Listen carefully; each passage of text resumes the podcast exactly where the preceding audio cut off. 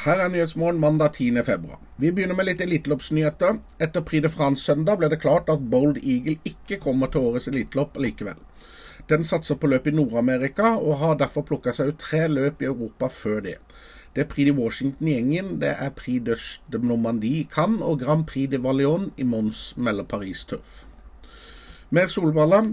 De slapp i går nyheten om at de kjører, skal kjøre en supersprint for Calbots i år.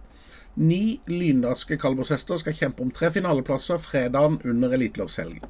Løpet går over 640 meter, og sportssjef Anders Malmrot på Solvalla sier til trav365.no at førstepremien blir på 80 eller 100 000 kroner.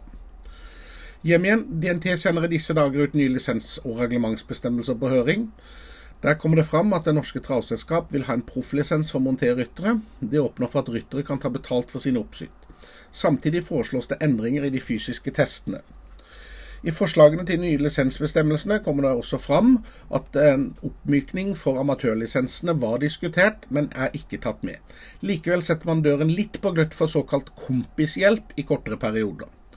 Samtidig vil man øke antallet hester for B-trenerne fra to til tre hester.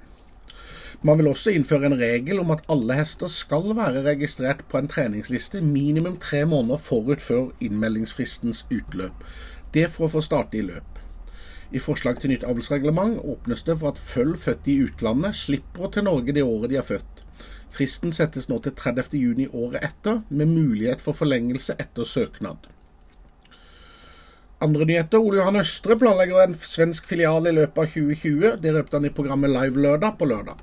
Håpet er å ha filialen oppe i løpet av 2020. Til slutt har vi med et hjertesukk fra valgkomiteen i DNT. De har så få kandidater til styre og utvalg at de åpner for opp for etteranmeldinger. Vi tar gjerne imot flere forslag, sier leder Hans Tronstad til Trav 365, og sier spesielt mangler ungdomskandidater.